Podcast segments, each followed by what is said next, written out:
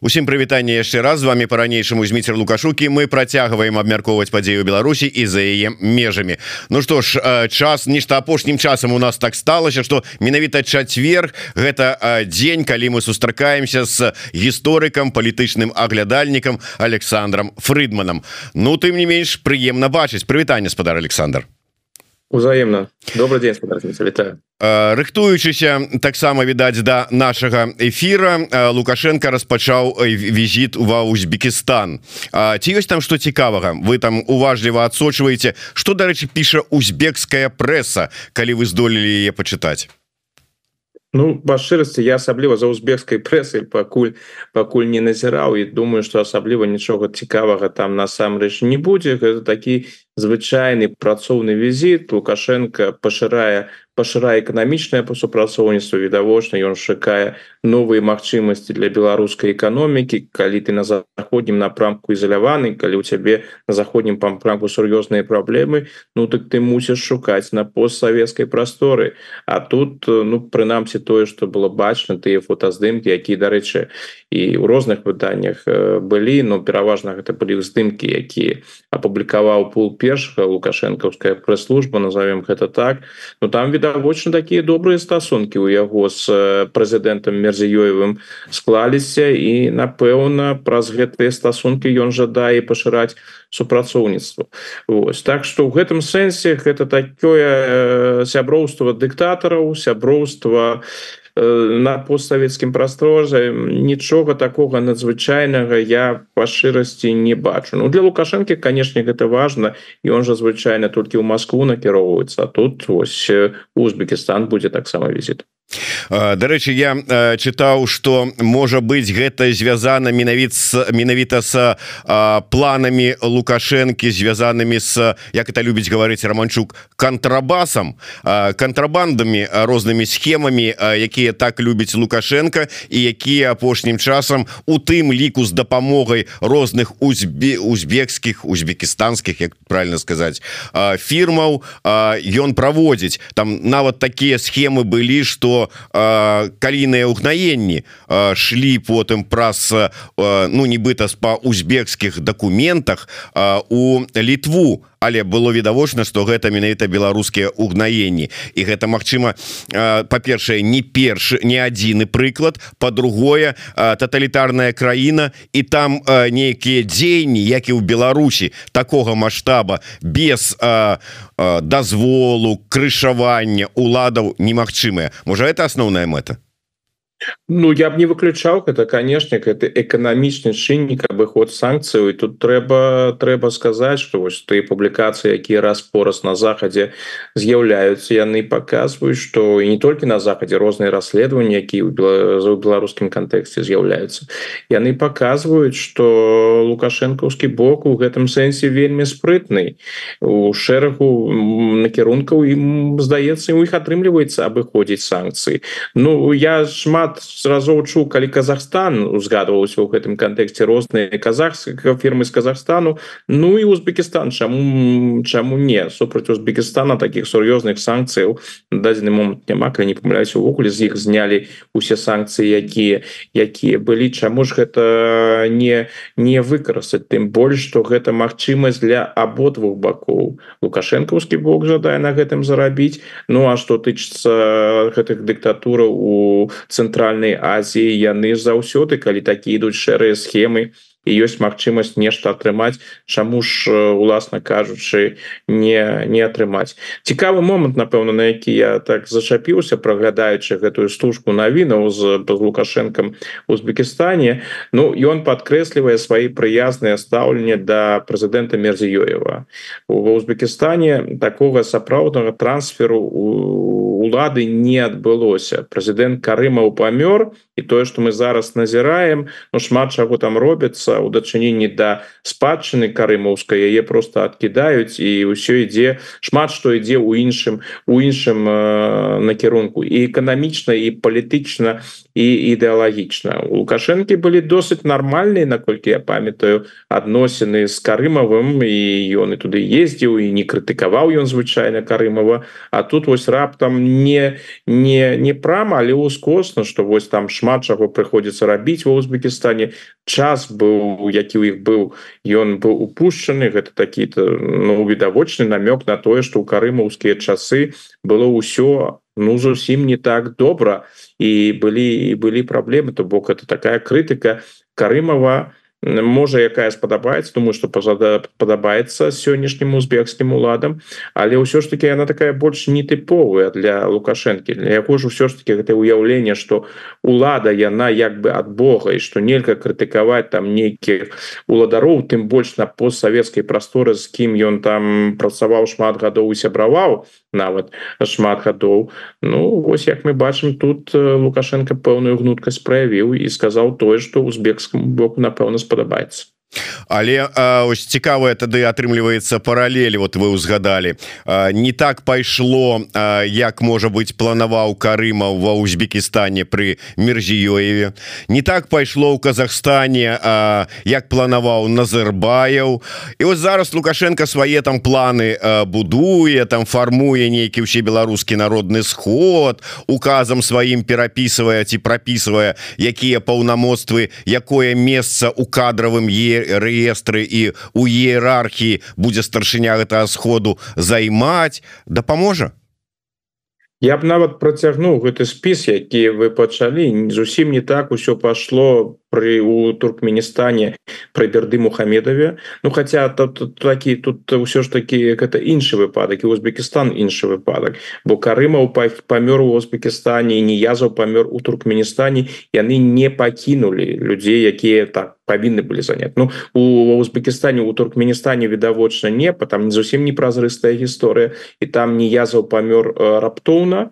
Відаць что тычыцца Узбекістана то там яна такая э, больш сумнеўная гісторыя там пра апошнія дні калі ён увогуле карымаў памёр не шмат што вядома ці быў сапраўды мерзіёя вызначаны ў якасці наступніка. Ну гэта такое пытанне. Ну і конечно мы можем узгадаць гісторыю з барысам ельцыным і Владимир владимиром путиным так ельцин атрымаў гаранты і з у сям'і ельцина у шырокім сэнсе гэтага слова до сённяшняга дня ўсё нормально назовем гэта так. А калі мы ж усё ж таки паглядзім на палітычны курс якім сёння ідзе Российская Федерацыя все что адбываецца ў России апошнія гады Ну гэта не той курс якога відавочна жадаў бы Барыс ельцин Так вось калі мы паглядзім на постсавецкую прастору Ну тыя выпадки калі сапраўды атрымалася ці бой удала атрымаўся гэты транзіт улады гэта ты толькі тыя выпадкі калі ўлада перадавалася ад отца от бацькі ад бацькі да сына. Там сапраўды ёсць пераемнасць. Ёсць пераемнасць у сённяшнім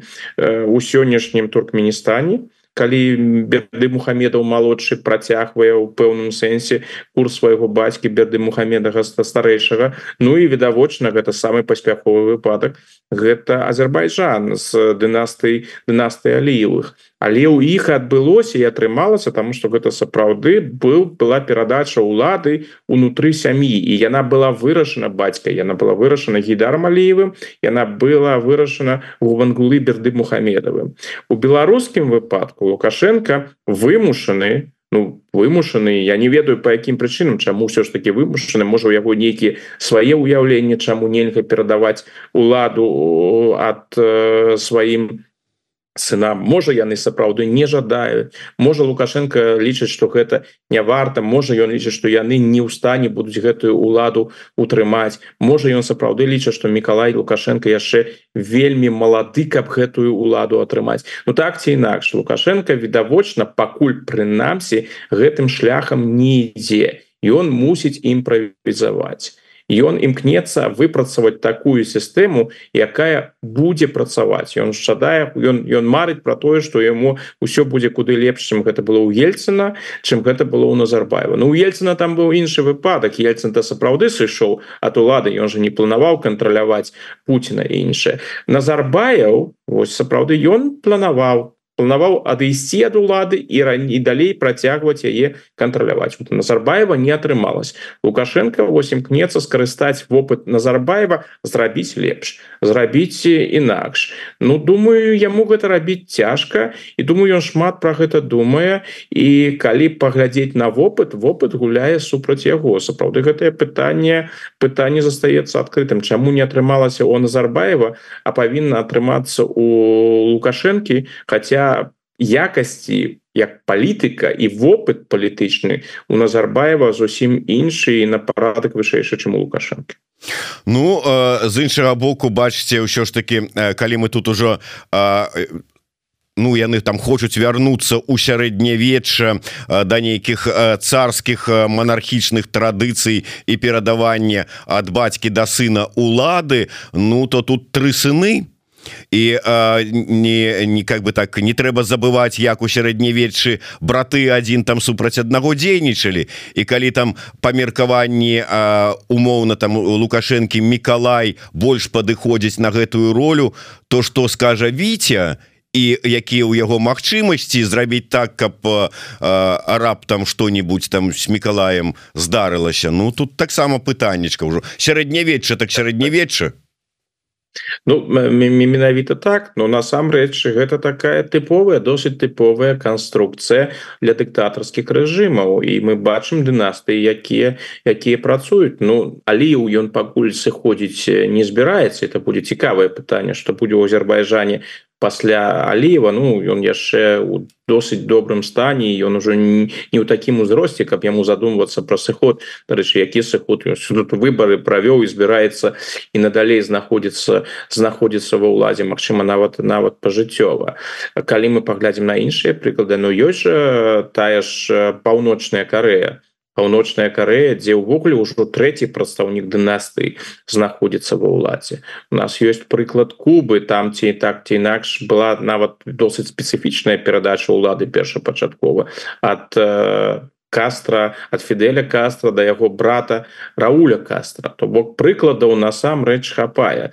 Іншая справа что таких прыкладаў у Еўропе ну не назіраецца. Ўсё ж таки калі перадаецца ўлада от э, бацькі да сына умоўна кажучы ва узбекіста у Азербайджане альбо у туркменістане но гэта ўспрымаецца ўсё ж таки трошки інакш бо там іншыя традыцыі чым гэта адбываецца у у, у Беларусі.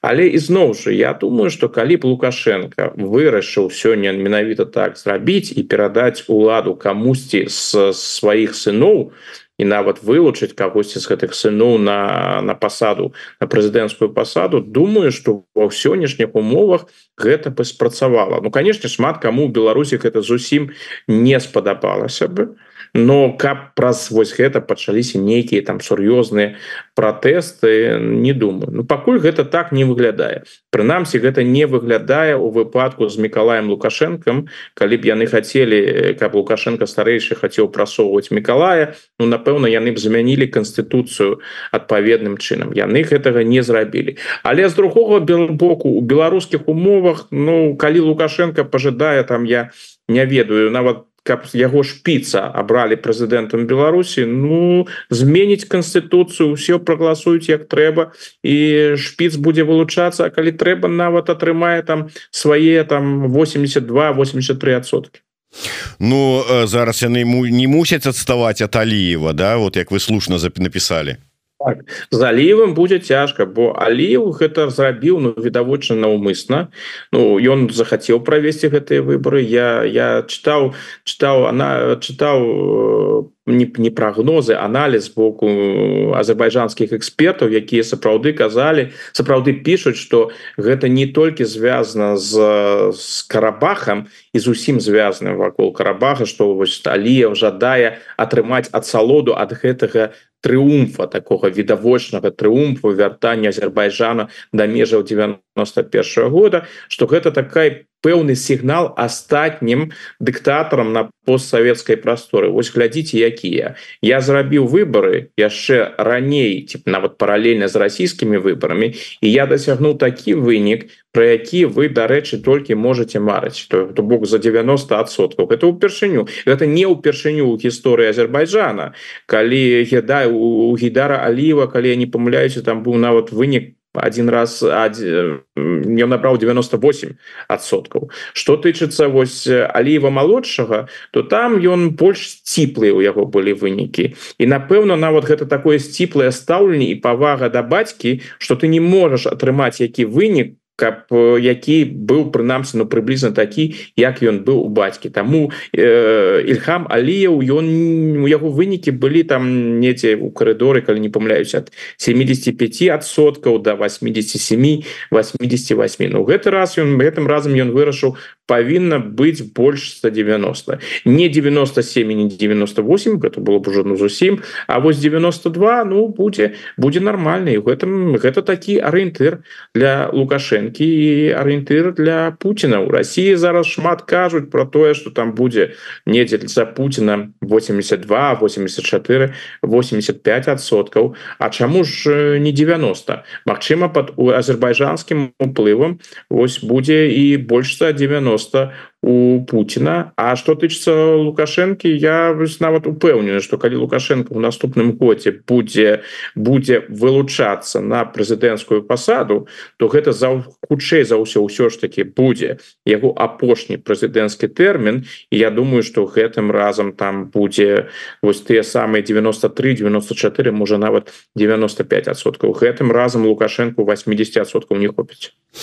Ну в прынцыпе то то вы яшчэ не ведаеце сказаў бы азаронак на што здольны іх вось любы любимы кіраўнік насамрэч он просто скромны а так там 99 і 8 а так можа быть і 113 процентов. Ну чаму не Ну, конечно. Тем больше там что гэта было я не памятаю какие гэта были выборы. Так ты лукашенко казал что он их сфальсифікаваў что там было насамрэч 95соткаў ці нешта такое а яны потым поднізілі Ну гэтым разам гэтым разам ну лукашенко не дазволіць сябе атрымаць калі ён будзе сапраўды вылучацца ён не дазволіць себе атрымаць менш за за 90соткаў Ну а ўсе яму дапамогуць і вот про гэтых усіх мы поговорым трошку пазнее зараз вы мы учора калі з вами планавалі і размаўлялі на тэму что будем абмяркоўваць вы там задали тэму может быть гэта расійскага надеждзена что вот яго не зарэгіструюць. Не зарэгістравалі. Як прынцыпе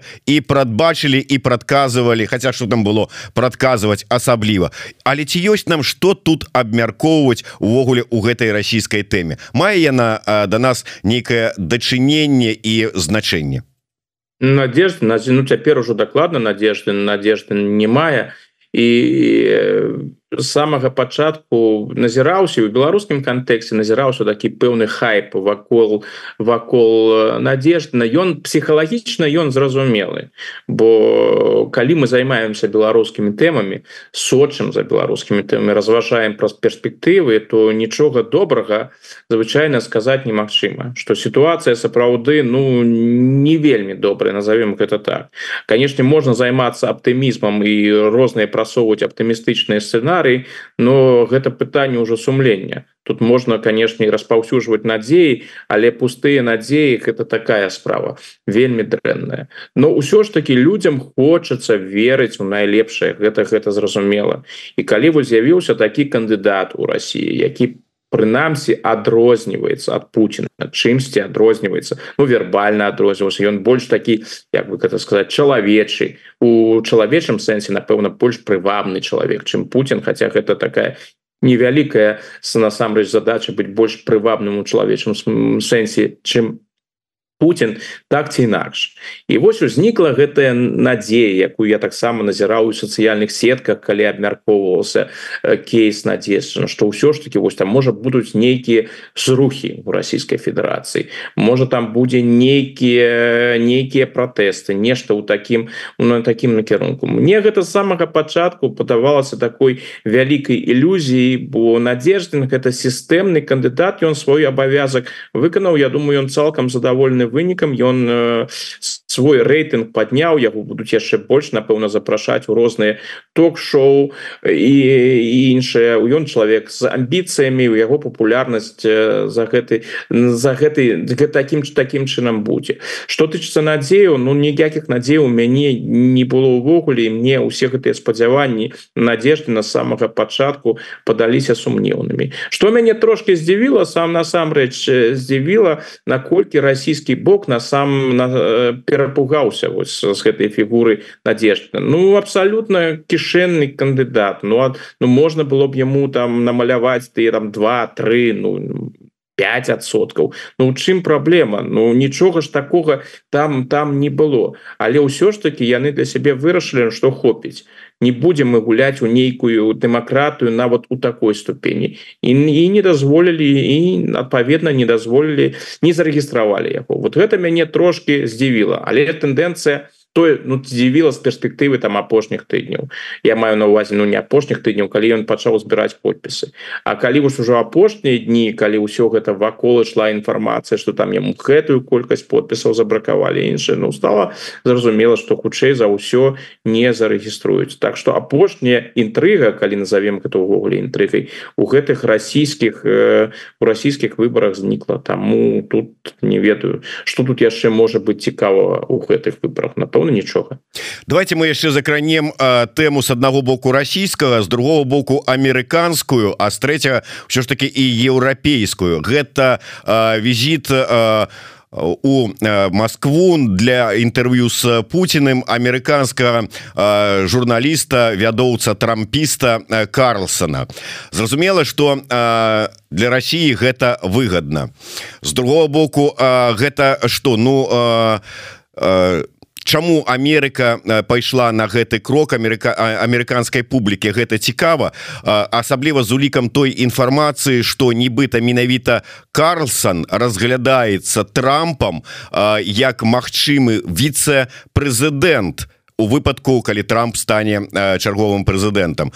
І у гэтай сітуацыі что тут небяспечная Я чаму тут Еўропу узгадаў бо Еўропа ўжо некія там будуе аналізы прогнозы як дзейнічаць і як супрадзейнічаць у выпадку калі Трамп стане прэзідэнтам. І з гэтага пункту гледжання гэта якая у чым тут небяспека? Вот усяго гэта трохкутніка. Карлсон Путін Трамп еўрапейскія будучыні Ну давайте я пачну напэўна з Карлсона. Ён галоўны бенефіцар гэтай гісторыі ён звярнуў да сябе ўвагу напэўна гэта інтэрв'ю будуць будуць глядзець тым бок што расійскі блок Росія расіяне робяць усё каб подвысіць да гэтага увагу. Так што ён у гэтым сэнсе бенефіцар у эканамічна таксама. Ну там же ёсць розныя спекуляцыі на ён ён-то подкрэслівае што ён грошы не зарабляе на гэтых інтэрв'ю што яго ніхто ніякія грошы ён над расійскай федэрацыі не спансі не атрымліваў. Ну гэта пытанне такое. Карлсон настолькі часто хлусіць і настолькі яго часто лавілі на розных там падманах і іншая маніпуляцыях что верыць Карлсону Ну гэта гэта гэта такая гэта такая справа. Сябе не паважаць называется сябе не паважаць тое что ён будзе віца віце-прэзідэнтам можа стаць что про Трамп яго можа вылучыць я про гэта таксама чуў но мне падаецца что гэтага не будзе бо ўжо ну Трамп ужо скандальная кандыдатура а з такой кандыдатурой як Карлсон можна і пэўную частку рэспубліканскага электарату яшчэ больш напужаць бо да яго стаўлення так у яго хапае прыхільнікаў сярод розных канспіролагаў сярод ультракансерва кансерватыўнай публікі сярод радыкальных прыхільнікаў трампа але тая ж рэспубліканская рэспубліканская партыя яна ж розная там же не толькі прыдак выглядае зараз что большасць там на баку трампа. Але сярод рэспубліканцаў ці прыхільнікаў рэпублі рэспубліканцаў хапае тых людзей якім трамп не падабаецца. А калі тут яшчэ і прасунуць карлсона разам с трампом но ну, тут можна мне падаецца больш траціць чым атрымаць. Свае шансы на гэтую номінацыю карлсон відавочна не павысіў пасля гэтага інтэрв'ю. Бо дэмакраты будуць выкарыстоўваць гэты вобраз карлсона як расійскага агента як расійскай путинскай марыянеткі як чалавека які заігрывае с Путиным. Конечно мы яшчэ не бачылі гэтага інтэрв'ю но я думаю что яно будзе вельмі спрыяльным і апалагетычным і добрым для для для Путина не думаю что Путин там нейкім чынам хоть дрэнна будзе выглядаць у гэтым інтэрв'ю. Конечно дрэнна будзе ўсё что ён там будзе распавядаць не ўсё ну галоўным чынам конечно уже можна можна себе уяўленне про тое что там можа быть яно ж прыкладна ёсць Путин же асаблівым крэатывам не адрозніваецца ён звычайно паўтарае тое что ён ужо на працягу значнай значнай колькасці часу полторая тому я думаю ўсё ж таки номінацыі там хутчэй за ўсё не будзе і такие ўжо плюсы для Карлсона. Яны асабліва невідавочныя асабліва что тычыцца яго палітычнай кар'еры Ну так гэта інтэрв'ю будуць глядзець а у астатнім таких асаблівых плюсаў акрамя можа пэўных грошаў калі які ён зараз заробіць на гэтым я тут не бачу. С пункту гледжання расійскага но гэта таксама такі цікавы момант. Я шмат разважаў сам сабой так бы мовіць з калегамі размаўляў про на гэты конт ці ці будзе расійскі бок рабіць гэта інтэрв'ю я б на месцы расіянаў гэта інтэрв'ю не рабіў бы. Па-перша я не рабіў бы яго зараз бо уплыў гэтага інтэрв'ю увогуле калі можна казаць про ўплыў ён знікне да прэзідэнцкіх выбараў у злучаных штатаў бо гэта за зарана рабіць такое інтэрв'ю зараз. Это тру першы момант. Другі момант гэта можа быць расцэнена амерыканскай аўдыторыі і тут гаворка ідзе сапраўды не тых людзей якія будуць галасаваць за байдена ад тых людзей якія вагаюцца что калі там Путін будзе выказваць падтрымку трампу ці гэта падзе ў гэтым накірунку гэта можа і негатыўна быць успрынята. І трамп нават можа страціць галасы праз гэта інтэрв'ю. Так что з расійскага боку калі яны жадаюць дапамагчы трампу прайсці да ўлады можа гэта не самы элегантны крок быў рабіць гэта інтэрв'ю ў ранейшыя часы ў савецкі часы калі савецкія кіраўнікі імкнуліся дапамагчы у сваіх інтарэсах зразумела прыйсці да ўлады таму ці іншаму кандыдату на прост прэзідэнта злучаных штатаў яны працавалі больш элегантна. Ну гэтым разам не падаецца што вось Пуціну хочацца пагаварыць з амерыканскім журналістам і гэта такая гульня на сваей пляцоўкі там будуць добрыя былі добрыя пытанні мне падаецца хутчэй за ўсё.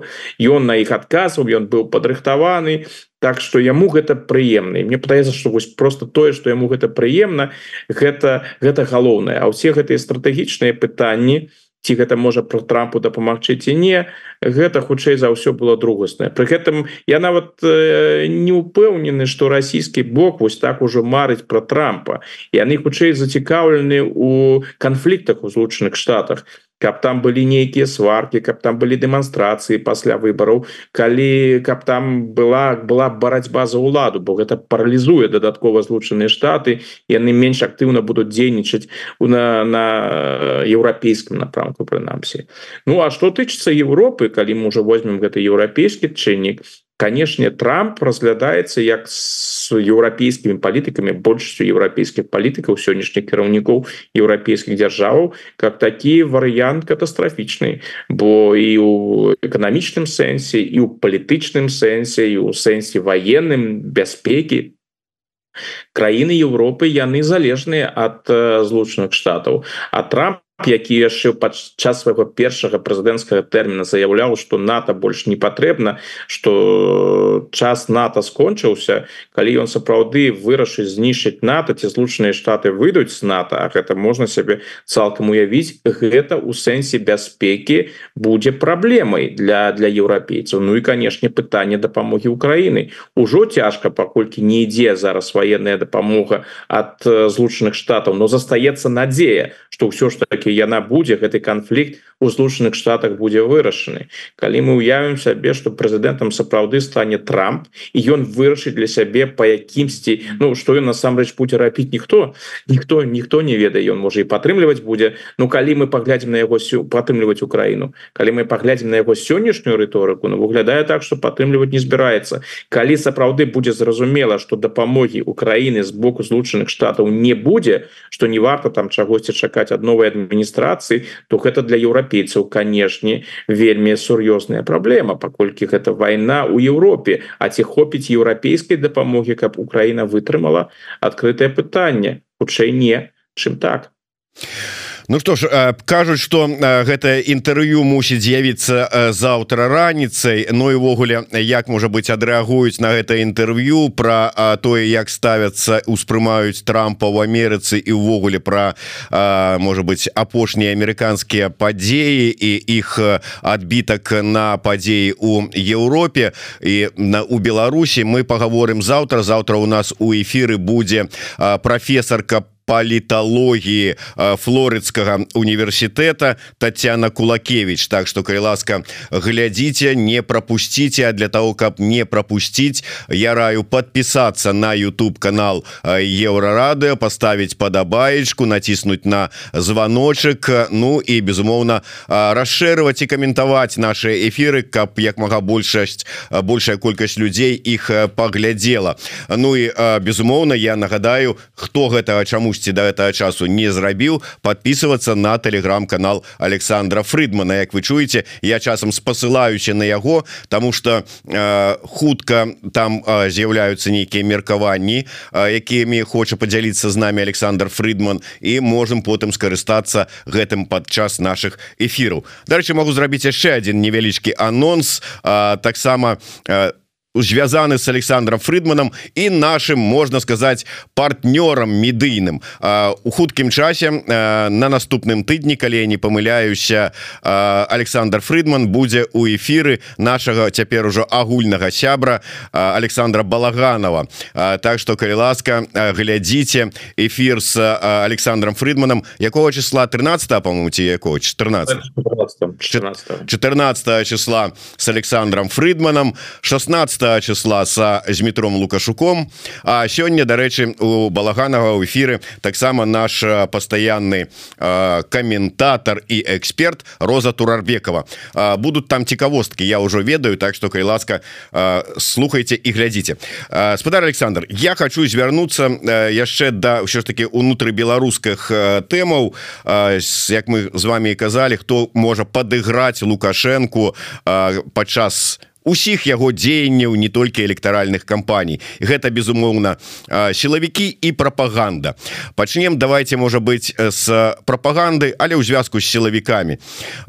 Мне просто звярнула увагу апошнім часам вельмі часто сталі затрымліваць людзей ізноўку за нейкія не то что лайки каментары а менавіта на подставе того что яны займаліся як это формулюецца у іх правильно распаўсюдам экстрэміскіх матэрыялаў. Это якія-нибудь можа быть там подпіски матэрыялы с са сМ телеграм-каналаў чатаў ці яшчэ чаго-нибудь якія рэжым лукашэнкаўскі прызнаў экстрэміскім і тут две тэмы. Першая. Вы звярнули увагу на тое что апошнім часам вельмі шчыльна правяраюць гэбісты на мяжы і людзей і іх телефоны і іх соцсеткі і ўсё астатніе да чаго гэта можа прывесці? І другое.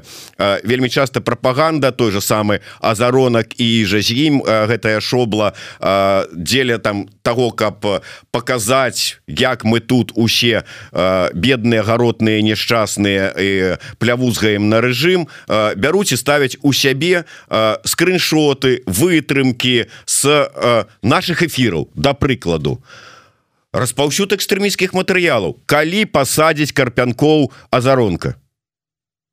Ну ім жа ведаць ім ім ім дазволена так бы мовіць гэта ж такія цікавыя цікавыя гісторыі з прапагандыстамі былі і у камуністычныя часы яны з аднаго боку яны пляжылі захад з другого боку яны карысталіся там усімі магчымасцямі заходняй цывілізацыі у тым сэнсе што яны маглі ездзіць яны маглі там купляць нейкія рэчы. Ну зараз вось у іх яны такая асаблівая каста ты люди якія жывуць у Беларусі так канешне гэта можа можа тут по-рознаму можна гэтыя рызыкі ацэньваць так но ты люди якія глядзяць тыя ж сайты якія абвешаны экстрэміскімі іншыя іншыя пэўная рызыка безумоўна прысутнічае. А вось тут мы бачым што ёсць нават у прапагандзе э, значная колькасць людзей якая гэтым займаецца так бы мовіць прафесійна. Гэта іх галоўная праца глядзець наши наши эфиры з вами а потым там нешта там выразаць і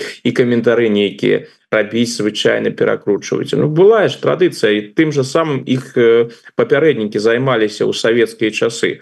Хтосьці там слухаў там я не ведаю радыё свабода потым трапляў у кіпцюры КДБ і, і за гэта апынуўся за кратамі А хто ці гэта там глядзеў звычайна і каментаваў у рознага шталта савецкіх выданняў Так што в гэтым сэнсе гэтая савецкая традыцыя яна працягваецца і ніякіх арышт арыштаў канешне там ніколі не будзе але ізноў жа цікавы цікавы момант Мачымасць ёсць я не ведаюць разумеюць гэта тыя ж самыя прапагандысты что калі што так э, артыкул ім можна прышыць без аніякіх праблемаў там нават жа не толькі што яны там аднаразова яны ж гэта робяць сістэматычна это уже ідзе гаворка про сістэматычны і наўмысны распаўсюд про экстрэміскіх матэрыялаў групай ну, асобаў прычым менавіта так так так. Вось. А что тычыцца мяжы я з вялікай цікавасцю прачытаў гэтыя матэрыялы. Ну что значится з цікавасцю? Тут нічога добрага там про гэта няма. Тое что людзей затрымліваюць на мяжы і адбываюцца такія рэчы якія ну, з еўрапейскай перспектывы яны выглядаюць увогуле жахліва калі людзей там прымушаюць аддаваць телефон калі там сядзіць нейкі супрацоўнік камітэта дзяржаўнай бяспекі і по праглядае асабістыя фотаздымкі якія ў гэтых людзей у тэлефонах прысутнічаюць. Да яшчэ і патрабуе нейкія паролі займаецца каменціраваннем пры гэта ўжо ўсё там же няма ніякіх законных падставаў там же няма нейкіх ордераў якія выдаюцца. Так что гэта гэта выглядае як такое абсалютнае дзікунства якое у 21 стагоддзі уявіць было цяжка. Ну як мы бачым гэта стала стала стала рэчаіснасць сутнасцю но гэты момант яшчэ цікавы но для мяне з такого даследчацкага пункту гледжання цікавы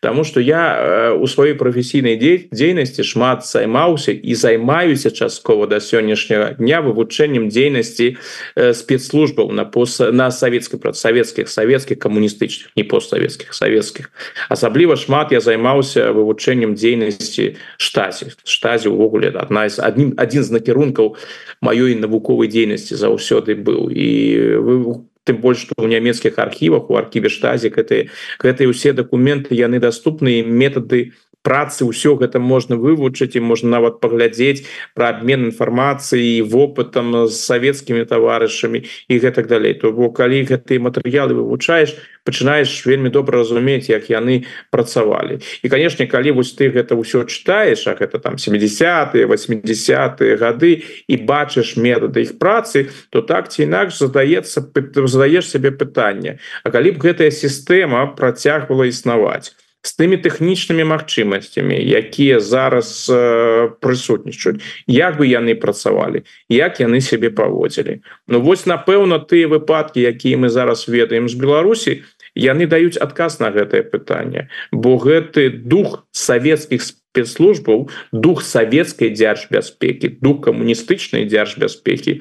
Ён ён захаваўся і ён працягваецца. Просто ім канешне зараз сённяшнім супрацоўнікам пашасціла. У іх такія тэхнічныя магчымасці якіх у іх папярэднікаў і блізка не было. А прынцыпы дзейнасці ўмяшальніцтва ў асабістае жыццё там шантаж і іншае ўсё гэта захавалася. Гэта нікуды не знікла. Гэта тая традыцыя якая працягвае жыць на жаль я б хацеў звязку з гэтым закрануць яшчэ э, тэму звязаную с э, самым таким зараз медыйным карнікам лукашэнкаўскім карпянковым. І вот менавіта медыйнасць гэта мяне нейкім чынам здзіўляе. Лукашенко ж не прымае і не терпіць побач з сабой нейкіх канкурентаў у медыйнай сферы. Я уже не кажу про палітычную сферу. А тут про карпянкова постоянно апошнім часам пишутць ён там нешта каментуе тут абмярку выкарыстоўваюць у э, гэтых вось экстрэміскіх сМ і э, яго намер э, вывесці сваіх гэтых вось карнікаў з сістэмы мус. І про тое что можа быть э, у яго планы не толькі стаць міністрам унутраных справаў алеі э, заняць галоўную пасаду ў Беларусі. І ці можа ён там лукашэнку скавырнуць. І увогуле там про яго шмат чаго. А і как бы нічога не адбываецца з э, таго боку некай рэакцыі Пра што это можа сведчыць увогуле як вы ацэньваеце гэтую э, персону для якой як вось сцвярджаюць тыя хто меў з ім дачыненне для якой нават лукашенко на другім месцы пасля Пуціна по значнасці? Ведаеце сапраўды таких метыльных персонаў у сілавых структурах у эпоху лукашэнкі іх не было фактычна не было. Ну добра былі людзі якія так ці інакш у медыях прысутнічалі бо яны рабілі скандальныя скандальныя заявы калі паглядзець там на папярэдніка папярэдніка сённяшняга міністра унутраных справаў шуневіча тое тыя заявы якія рабіліся там з яго боку. Альбо калі паглядзець на таго ж Юрыя караева які таксама імкнуўся там наладзіць нейкую нейкую камунікацыю з прэсай. Гэта прысутнічала. Калі там пайсці ў гісторыю трошки глыбей но быў выпадак з міністрам унутраных справ Юрыем захарынкам а захарка канешне стаў медыйнай персонай калі ён сышоў з сістэмы і стаў адным з лідараў дэмакратычнага руху у 90 у другой палове 90-х і напэўна такой сур'ёзнай небяспекай для лукашэнкі менавіта таму і з лёс сахаранкі склаўся так жахліва як ён ён склаўся але ізноў жа калі паглядзець на традыцыю ну звычайна сілавікоў публічных сілавікоў Беларусі ну ну не бывае яны так бы мовіць знаюць сваё ведаюць сваё месца і не выходзяць на на першай ролі карпянкоў гэта сапраўды робіць. Пры гэтым карпянкоў ён нават не міністр. Ну яшчэ прынамсі не міністр. І тое что медыйны апарат прапагандысцкі апарат на яго працуе тое что ён там праходзіць у розных перадачах і тут з'яўляюцца там нейкія яго выказванні. Гэта сведчыць про тое что гэта прынамсі зверху дазволена что там не ідзе нейкіх загадаў ну хопіць. Тут вельмі шмат карпянкова стало не карпянкоў ён працягвае прысутнічаць гэта ўжо такі ну сур'ёзны перыяд ён вось так ён быў канешне вядомы спецыялістам яшчэ і до два -го года але пасля два -го году ён набыў такую вялікую вядомасць вядомасць у, у Беларусі Так что гэта дазволена Чаму гэта дазволена Ну напэўна таму что карпянкоў гэта той чалавек які сваю адданасць і лаяльнасць шмат разоў показваў і можа вось тое стаўленне да сваёй працы да выканання сваіх абавязкаў якое характэрнае для карпянкова гэта менавіта тое что падабаецца лукашэнку. Но пры гэтым карпянку робіць такія выказванні якія ну прынамсі падаюцца сумнеўнымі. Лукашенко як чалавек с інстынктамі ва ўладзе ён павінен гэта разумець калі нехта ў беларусі захапляецца вагнераўцамі альбо традыцыямі вагнераў супрасоўвае традыцыі вагнеру. Це ну узнікае пытанне можа і сапраўды ёсць у гэтага чалавека якісьці амбіцыі не толькі у лукашэнкаўскай сістэме. У лукашэнкаўскай сістэме гэта вядома ён хоча атрымаць як мага больш улады можа нават марыць пра пасаду міністра. Ну нават я чуў меркаванні про тое что карпянкова могуць быць мары куды большее можа нават стаць на на чале на шале Беларусі усё гэта выглядае досыць сумнеўна асабліва гледзячы на той вобраз карпянковы які складваецца калі сочыш за яго выказваннямі у прэсе і за яго паводзінамі.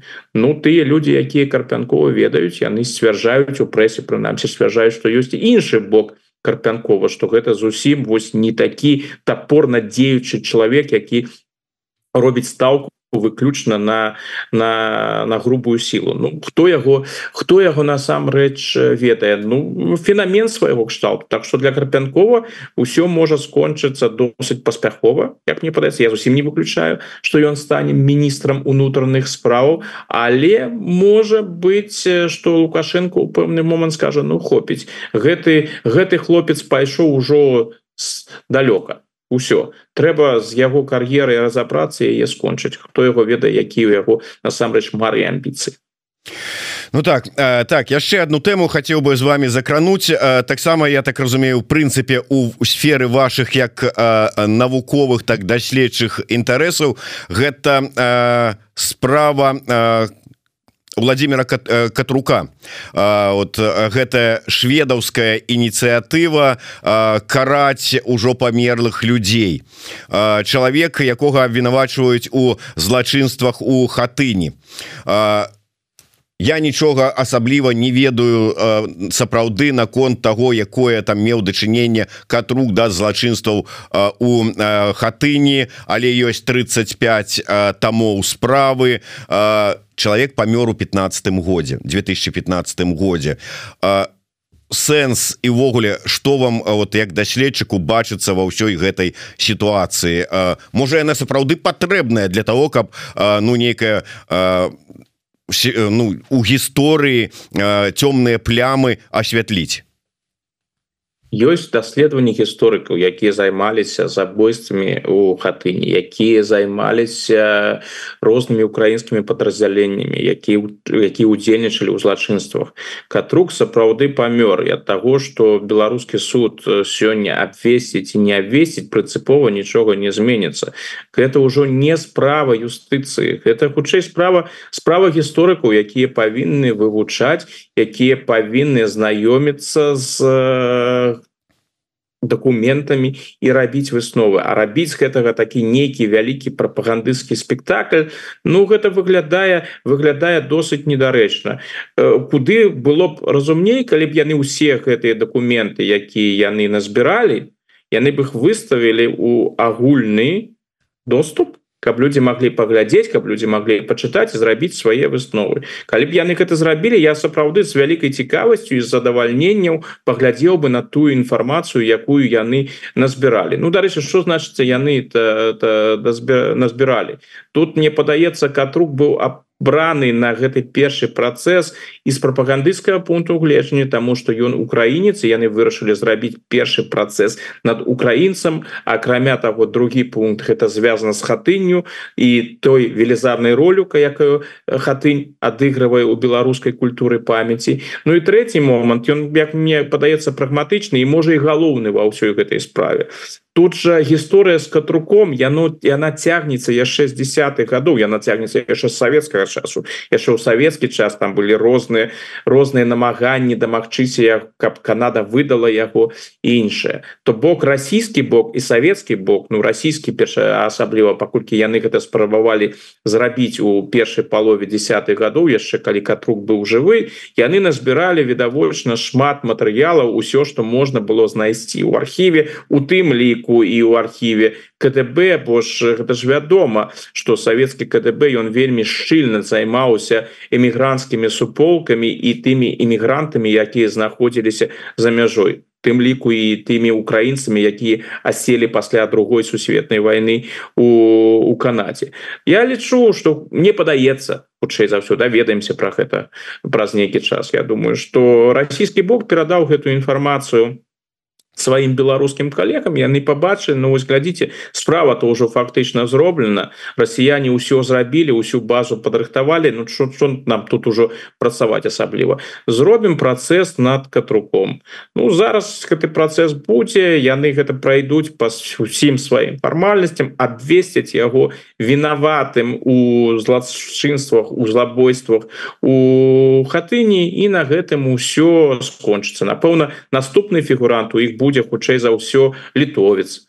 А пасля яго будзе латыш бо под потым напэўна будзе паляк Таму что трэба ж тут э, палітычную палітычны чыннік павінен павінен прысутнічаць які ў гэтым сэнс акрамя прапагандыцкага но ну, асабліва ніякага няма. Что тычыцца гісторыі то ізноў жа паўтаруся гісторыі павінны займацца і рэканструкцыі гістарычных падзеяў павінны займацца гісторыкі а не прокуроры Ну у беларускім выпадку ўсё выглядае інакш. Гэты весь пра увесь праект геноцид беларускага народа ўсё што з ім звязана гэтым з'яўляюцца ў беларусі перш за ўсё прокуроры а гісторыкі калі увогуле у гэтым неяк удзейнічаюць адыгрываюць толькі дапаможную функцыю маюць толькі дапаможную функцыю. Ну і на завяршэнне. Я мы планавалі з вами закрануць тэму Ну не ведаю правильное слово канфлікт неправільная нейка пэўна супрацьстаянне зеленскі залужны.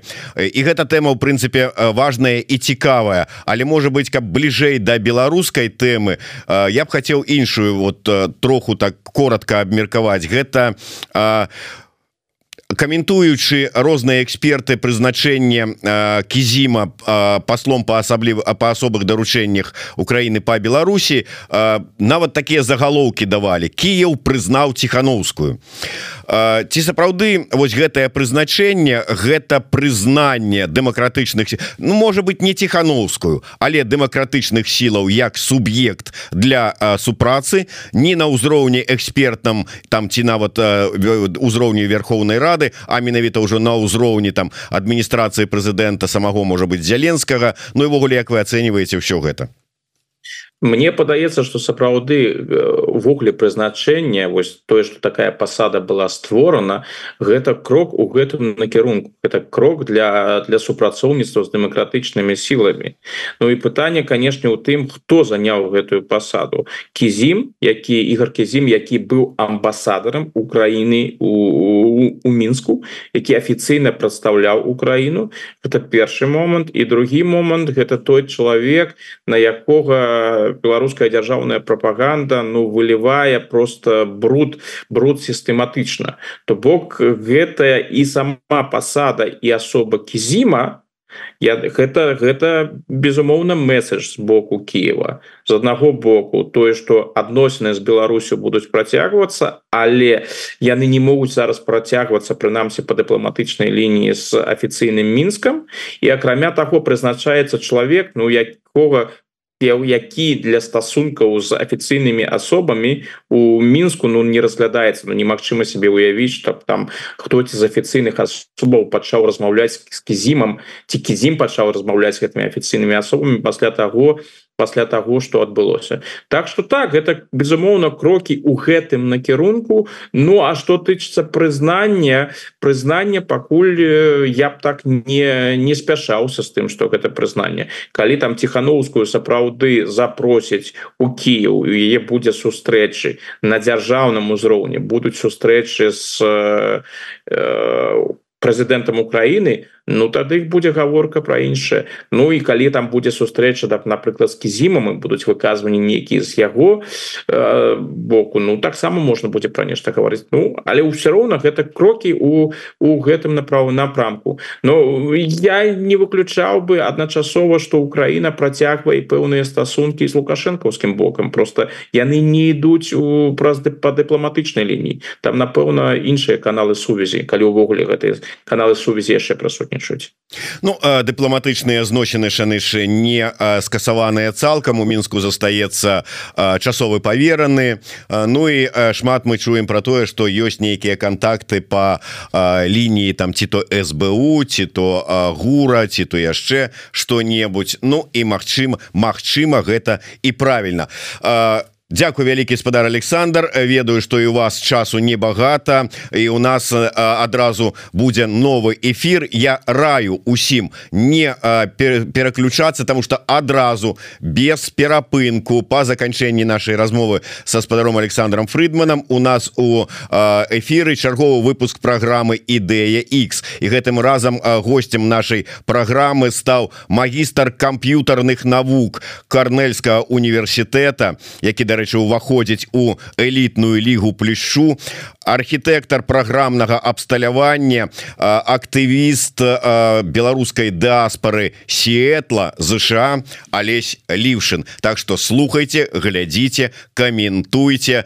пропитывайтеся нацыянальнай ідэнтычнасцю і самасвядомасцю. Як вось мы со спадаром Александром які дарэчы ёсць і у кніжцы нашай. Так со спадаром Александром у першай кнізе здаецца калі не памыляюся ёсць нацыянальная нацыянальная ідэя Ну а увогуле нацыянальныя ідэі восены усе тры тамы я маю на увазе самых на ідэй значна больш пакуль яшчэ ёсць у наяўнасці Так что калі ласка набывайце Дякую вялікі спадар Александр да сустрэчы Ну і побачымся на эфиры у балаганова. Таксама слухайте і глядзіце жыве Беларусь жыве